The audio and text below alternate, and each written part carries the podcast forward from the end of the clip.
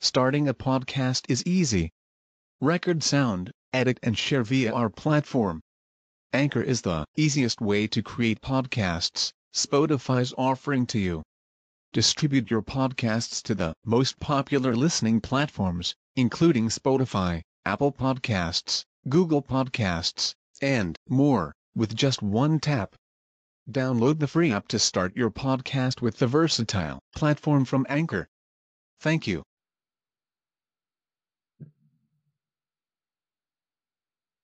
إن الحمد لله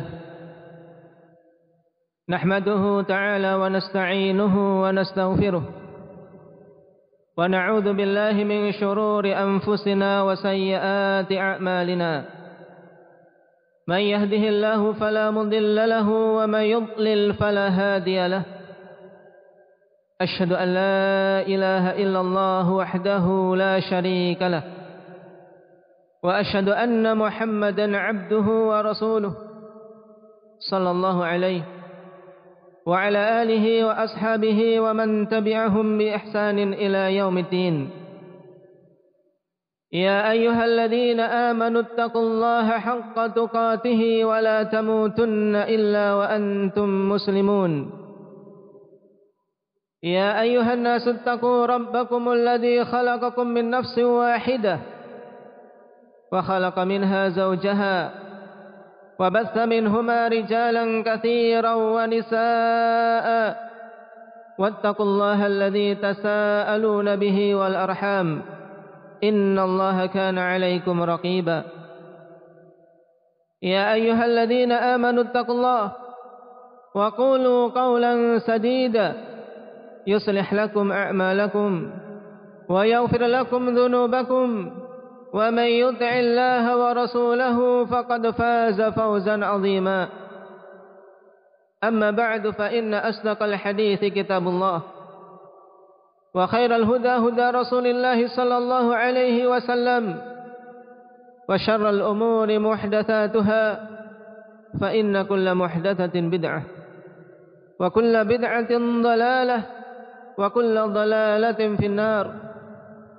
أعاذنا الله وإياكم من النار يا أيها الناس عباد الله di antara peristiwa besar yang terjadi di masa Nabi sallallahu alaihi wasallam yang peristiwa tersebut merupakan awal dari kebangkitan Islam dan awal kebaikan bagi kaum muslimin. Yang padanya pelajaran banyak dan ibrah yang besar yaitu tidak lain peristiwa hijrah Nabi sallallahu alaihi wasallam ke Madinah. Peristiwa yang agung ya ibadallah yang kalau kita mau membicarakan tentang pelajaran-pelajaran yang kita bisa petik darinya dan ibrah-ibrah yang bisa kita gali darinya maka sungguh sangatlah banyak akan tapi pada kesempatan kali ini kita akan mengambil satu pelajaran penting dari sekian pelajaran yang ada. Dari peristiwa hijrah Nabi sallallahu alaihi wasallam ketika orang-orang kafir Quraisy telah merencanakan dengan perencanaan yang matang sehingga mereka mengepung kediaman Nabi sallallahu alaihi wasallam dengan pedang-pedang yang telah terhunus namun Allah subhanahu wa ta'ala pada malam tersebut selamatkan nabinya sehingga beliau dengan sahabatnya yang mulia Abu Bakar As-Siddiq radhiyallahu anhu bisa keluar dari Mekah. Kemudian mereka bersembunyi dalam sebuah goa yang disinilah kisah yang kita inginkan ya ibadallah. di mana Abu Bakar radhiyallahu anhu mengisahkan kepada kita sebagaimana dalam riwayat Bukhari dan Muslim bahwasanya di saat itu ketika beliau dan Rasulullah sallallahu alaihi wasallam berada di dalam gua Dan orang-orang kufar Quraisy mengejar dan mencari mereka. Tibalah saatnya pada kondisi yang sangat kritis dan keadaan yang sangat mencemaskan di mana orang-orang kufar Quraisy sudah berdiri di ambang pintu gua. Sampai-sampai Abu Bakar As-Siddiq radhiyallahu anhu mengatakan, "Wallahi ya Rasulullah, law nadara ahaduhum ila qaddamaihi la absarana." Demi Allah wahai Rasulullah seandainya salah seorang di antara mereka melihat kepada kaki mereka maka sungguh mereka akan melihat kita. Bayangkan ya ibadallah Bagaimana ketika seseorang menghadapi keadaan seperti ini di mana musuh sudah sangat dekat dan kematian sudah di depan mata sehingga tidak heran tatkala Abu Bakar Siddiq radhiyallahu anhu begitu khawatir dengan keselamatan Rasulullah sallallahu alaihi wasallam.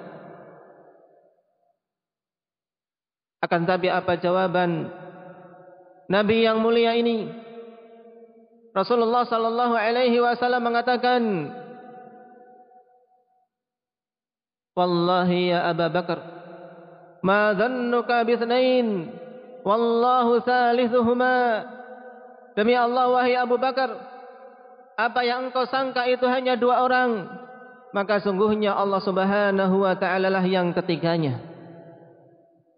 Yang kemudian Peristiwa ini Allah Subhanahu wa taala badikan dalam Al-Qur'anul Karim.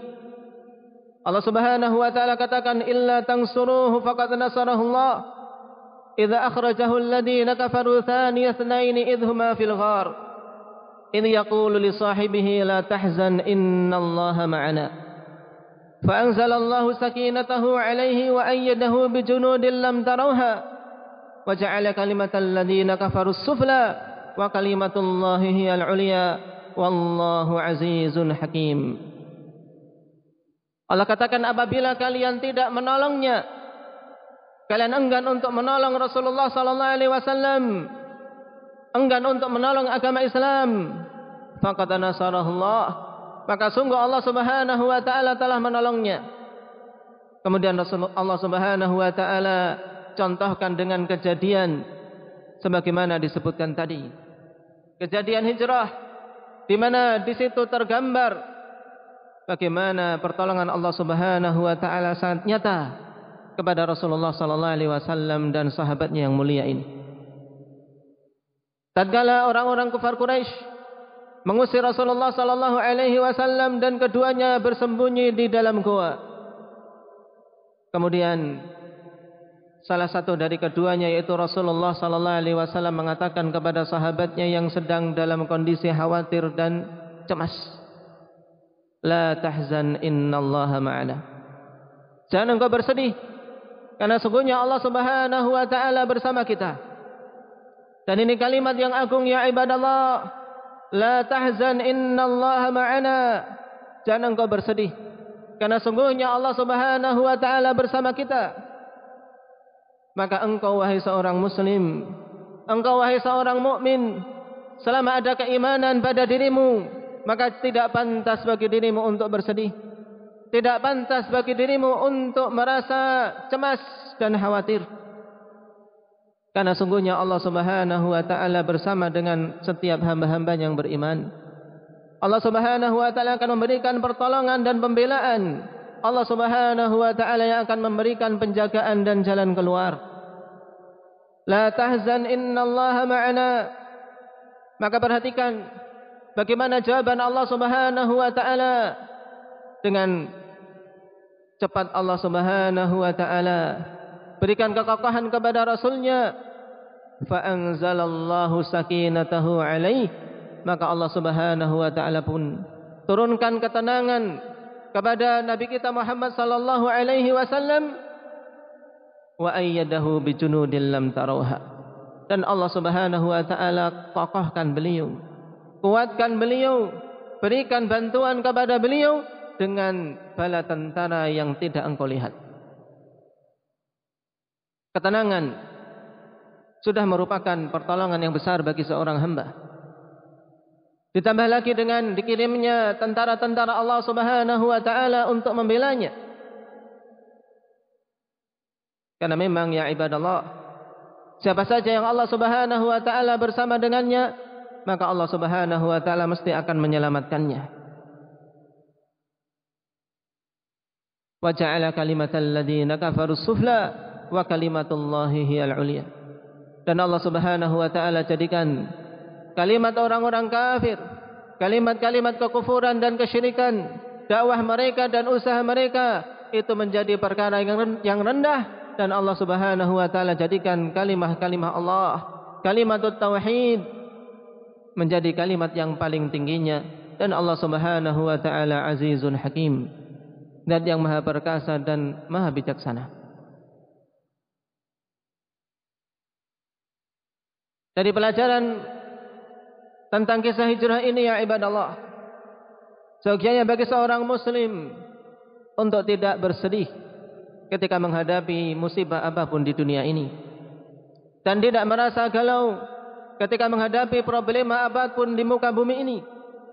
Karena sungguh Allah Subhanahu wa taala telah menjanjikan kebersamaan dengan siapa saja yang beriman. La tahzan innallaha ma'ana hendaknya senantiasa kita ingat kalimat yang agung ini kalimat yang sungguh sangat menenangkan bagi siapa saja mendapatkan taufik dari Allah Subhanahu wa taala. Dan memang tatkala seorang hamba dicabut darinya rasa sedih ya ibadallah, maka ini sungguh merupakan nikmat. Oleh karena itulah ahlul jannah mereka menyebutkan di antara nikmat yang Allah Subhanahu wa taala berikan Alhamdulillahilladzi adhaba 'anna al-hazan inna rabbana laghafurun syakur.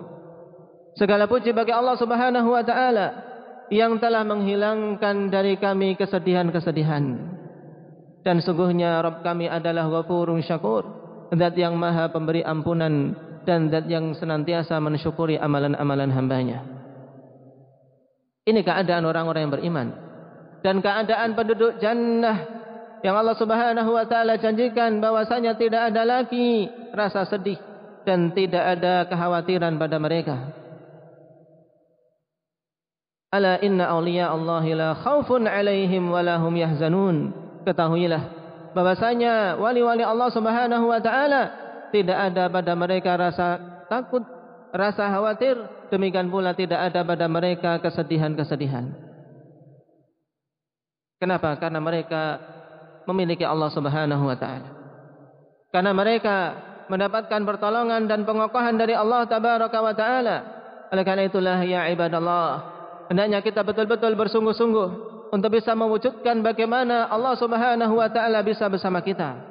Bisa menyertai kita dalam langkah-langkah kita, dalam usaha-usaha kita, dalam problema kita dan seterusnya dari semua yang kita hadapi di dunia ini.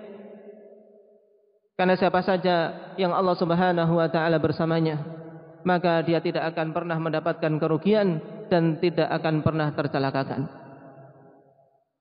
Ketahuilah ya ibadallah. Kalau kita memperhatikan Al-Quranul Karim. Maka Allah subhanahu wa ta'ala telah tegaskan beberapa hal pokok. Untuk seorang bisa mendapatkan ma'iyatullahi tabaraka wa ta'ala. Untuk seorang hamba bisa mendapatkan pertolongan dan pengokohan darinya. Yang pertama yaitu al-iman. Keimanan.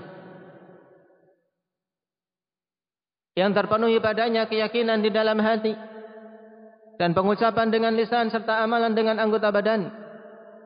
Allah Subhanahu wa taala katakan in tastaftihu faqad ja'akumul fath. Fa in tantahu fa huwa khairul lakum wa in ta'udu na'ud wa lan tughni 'ankum fi'atukum syai'a walau katurat wa anna Allaha ma'al mu'minin. Perhatikan akhir dari ayat yang mulia ini. Allah Subhanahu wa taala katakan wa anna Allaha ma'al mu'minin dan sungguhnya Allah Subhanahu wa taala bersama dengan orang-orang yang beriman. Ini pernyataan dari Allah Subhanahu wa taala. Maka sesuai dengan kadar keimanan seorang hamba, demikian pula kebersamaan Allah Subhanahu wa taala dengannya. Perhatikan contoh yang sangat nyata. Bagaimana Allah Subhanahu wa taala hilangkan kesedihan, hilangkan kecemasan dan hilangkan musibah-musibah dari seorang hamba tatkala ada keimanan padanya. Tidak ada kesempitan dan kesedihan yang terbayangkan bagi seorang hamba melebihi yang dirasakan oleh Nabi Allah Yunus alaihi salatu wassalam. Bagaimana tidak ya ibadallah?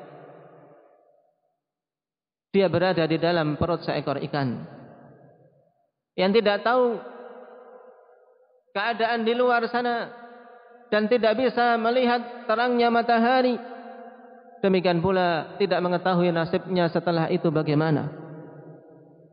Tapi dia betul-betul yakin karena dia adalah seorang yang memiliki keimanan kepada Allah Subhanahu wa taala.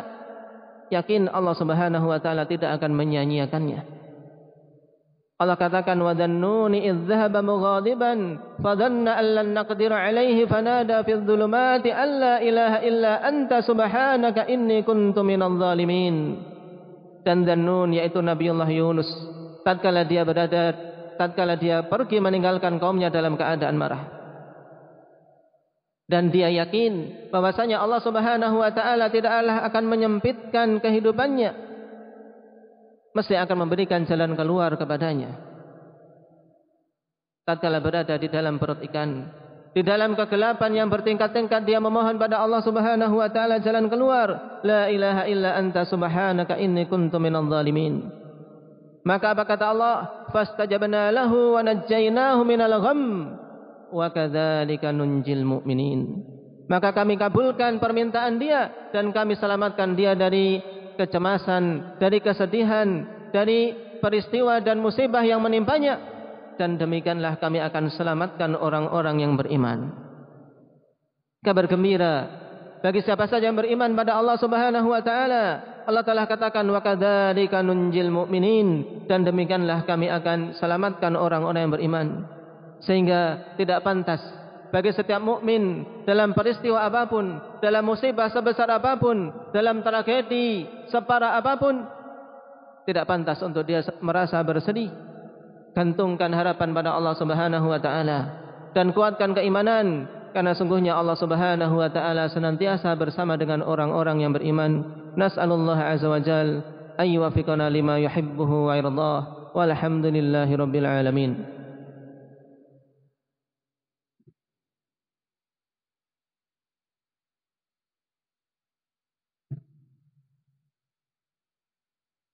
الحمد لله رب العالمين والعاقبة للمتقين ولا عدوان إلا على الظالمين. أشهد أن لا إله إلا الله وحده لا شريك له وأشهد أن محمدا عبده ورسوله صلى الله عليه وعلى آله وأصحابه ومن تبعهم بإحسان إلى يوم الدين. أما بعد أيها الناس عباد الله sebab yang kedua untuk seorang bisa mendapatkan kebersamaan dengan Allah Subhanahu wa taala yaitu takwa Allah tabaraka wa taala. Ketakwaan yang hakikatnya adalah dengan melaksanakan perintah-perintah Allah Subhanahu wa taala di atas basirah, di atas ilmu semata-mata karena mengharapkan rahmat dan anugerah serta pahala darinya dan dia meninggalkan larangan-larangan Allah Subhanahu wa taala di atas ilmu di atas ilmu bukan di atas kejahilan. Yang diiringi rasa takut akan azabnya. Allah Subhanahu wa taala telah katakan wattaqullaha wa'lamu annallaha ma'al muttaqin. Bertakwalah kalian semua kepada Allah dan ketahuilah ilmuilah bahwasanya Allah Subhanahu wa taala bersama dengan orang-orang yang bertakwa maka kapan saja seorang hamba mewujudkan ketakwaan di dalam kehidupannya maka yakinlah bahwasanya Allah Subhanahu wa taala bersama dengan dia. Allah tidak akan menyia-nyiakannya. Allah tidak akan meninggalkannya. Dan Allah Subhanahu wa taala tidak akan menghinakannya. Karena Allah Subhanahu wa taala telah pertegas wa'lamu annallaha ma'al muttaqin. Sebab yang ketiga untuk seorang bisa mendapatkan kebersamaan dengan Allah Subhanahu wa taala adalah as-sabr, kesabaran. Yang hakikatnya adalah menahan diri untuk senantiasa berada di atas jalan ketaatan kepada Allah Subhanahu wa taala dan menahan diri untuk bisa meninggalkan larangan-larangan Allah Subhanahu wa taala serta tidak menerjangnya kemudian menahan diri untuk tidak mengeluh dan tidak memprotes atas takdir-takdir Allah Subhanahu wa taala yang menimpanya. Tapi dia berusaha untuk menahan lisannya agar terucap darinya ucapan-ucapan yang baik ucapan-ucapan keridhaan seorang hamba atas ketetapan Allah tabaraka wa taala. Allah Subhanahu wa taala telah berfirman wasta'inu bis samri was salah innallaha ma'as sabirin mintalah kalian pertolongan kepada Allah Subhanahu wa taala dengan kesabaran dan salat karena sungguhnya Allah Subhanahu wa taala bersama dengan orang-orang yang bersabar selama seorang memiliki kesabaran di dalam kehidupan ini. Ketika menjalani semua apa yang Allah Subhanahu wa taala tetapkan untuknya. Maka yakinlah bahwasanya Allah Subhanahu wa taala bersama dengannya. Dan ketahuilah ibadah Allah bahwasanya seutama-utama sabar, seutama-utama bentuk kesabaran adalah as-sabru ala taatillah. Kesabaran seorang hamba di atas jalan ketaatan kepada Allah karena kesabaran tersebut kesabaran yang butuh untuk diusahakan. Kesabaran yang memang merupakan pilihan. Berbeda dengan kesabaran ketika mendapatkan musibah. Yang banyak manusia bersabar dikarenakan keterpaksaan. Oleh karena itulah. Terlebih lagi di hari-hari yang mulia ini. Hendaknya seorang muslim betul-betul berusaha untuk menyabarkan dirinya. Di jalan ketaatan kepada Allah Tabaraka wa Ta'ala. Di hari-hari yang mulia. Namun di sisi yang lain padanya musibah yang besar. Demikian pula penghalang yang besar menghalangi di depannya untuk bisa beribadah dengan baik kepada Allah Tabaraka wa Taala. Oleh karena itulah hendaknya kita betul-betul menyabarkan diri-diri kita di atas jalan ketaatan kepada Allah dalam beribadah kepada Allah Tabaraka wa Taala. Jangan sampai merasa jemu, jangan sampai merasa lemah, jangan sampai merasa putus asa, untuk menunaikan peribadatan dengan sebaik-baiknya. Karena sungguh Allah Subhanahu wa taala menciptakan kita hanya untuk tujuan utama tersebut. Hanya untuk kita beribadah kepada Allah Subhanahu wa taala dengan sebaik-baiknya. Tidaklah perkara-perkara yang lain yang ada di dunia ini yang Allah Subhanahu wa taala tundukkan untuk kita baik berupa rezeki maupun yang lainnya kecuali sebagai sarana untuk kita bisa beribadah dengan baik maka jangan sampai seorang terlena dari jalan peribadatan kepada Allah Subhanahu wa taala. Karena siapa saja yang meninggalkan jalan peribadatan dan tidak bersabar di atasnya, maka khawatir Allah Subhanahu wa taala meninggalkan hamba tersebut. Allah Subhanahu wa taala telah berfirman, "Wala takunu kalladzina nasullaha fa ansahum anfusahum." Fala takunu kalladzina nasullaha jangan kalian seperti orang-orang yang meninggalkan Allah Subhanahu wa taala. Sehingga Allah Subhanahu wa taala tinggalkan dia sehingga lupa seorang hamba terhadap kemaslahatan-kemaslahatan terhadap dirinya. Sebab yang keempat dari sebab-sebab yang Allah Subhanahu wa taala tegaskan di dalam Al-Qur'an untuk seorang hamba bisa mendapatkan kebersamaan dengan Allah sehingga dia ditolong dan dibela diberi jalan keluar dan pengokohan yaitu tidak lain al-ihsan berbuat baik. Baik ihsan fi ibadatillah berbuat baik dalam peribadatan kepada Allah Subhanahu wa taala. Senantiasa mengusahakan yang terbaik dari ibadah yang dia mampu yang Rasulullah sallallahu alaihi wasallam katakan ketika ditanya tentang hakikat ihsan an ta'budallah ka'annaka tarah fa illam takun tarahu fa innahu yarak engkau beribadah kepada Allah Subhanahu wa taala Seakan-akan engkau melihatnya dan jika engkau tidak melihatnya maka sungguhnya Allah Subhanahu wa taala melihatmu. Maka berbagus ibadah. Berbagus ibadah ya ibadah Allah dalam kondisi apapun, dalam keadaan bagaimanapun, maka jangan ridha seorang muslim untuk berada di atas jalan peribadatan yang buruk. Demikian pula jenis ihsan yang kedua yaitu al-ihsan alal khalqillah ta'ala. Al-ihsanu ma'a khalqillah. Berbuat baik terhadap hamba-hamba Allah Subhanahu wa taala. Inilah yang Rasulullah sallallahu alaihi wasallam tegaskan, "Innallaha katabal ihsana ala kulli syai'." Sungguhnya Allah Subhanahu wa taala telah wajibkan untuk berbuat baik pada setiap perkara. Bahkan sampai pada perkara membunuh dan menyembelih, Allah Subhanahu wa taala wajibkan untuk seorang muslim berbuat baik padanya. Allah Subhanahu wa taala telah berfirman, "Innallaha ma'al ladzina taqaw wal ladzina hum muhsinun." Sungguhnya Allah Subhanahu wa taala bersama dengan orang-orang yang bertakwa dan bersama dengan orang-orang yang berbuat baik. Demikian pula Allah Subhanahu wa taala katakan, "Wal ladzina jahadu fina lanahdiyannahum subulana wa innallaha lama'al muhsinin." Dan siapa saja yang bersungguh-sungguh di jalan kami, bersungguh-sungguh berjihad, mujahadah di jalan Allah Subhanahu wa taala. Maka sungguh akan kami berikan hidayah kepada dia jalan-jalan menuju kami akan diberi petunjuk pada Allah Subhanahu wa taala. Tidak akan disimpangkan, tidak akan disesatkan selama dia bersungguh-sungguh dan jujur karena sungguhnya Allah Subhanahu wa taala bersama dengan orang-orang yang berbuat baik. Ini empat perkara pokok. Empat perkara pokok yang Allah Subhanahu wa taala sebutkan di dalam Al-Qur'an maka mari kita wujudkan ya ibadallah untuk seorang hamba betul-betul mendapatkan pengokohan pertolongan dari Allah Subhanahu wa taala itulah hakikat ma'iyah yang telah Allah Subhanahu wa taala berikan kepada hamba-hamba yang mulia di antaranya para anbiya dan rasul di mana Allah Subhanahu wa taala selamatkan mereka bimbing mereka sehingga tidak ada dalam satu kejam pun peristiwa yang menimpa mereka kecuali Allah Subhanahu wa taala berikan kemenangan berikan jalan keluar yang terbaik dengan keimanan, ketakwaan, kesabaran dan ihsan. اللهم إنا نسألك الهدى والتقى والعفاف والغنى. اللهم إنا نسألك الهدى والتقى والعفاف والغنى.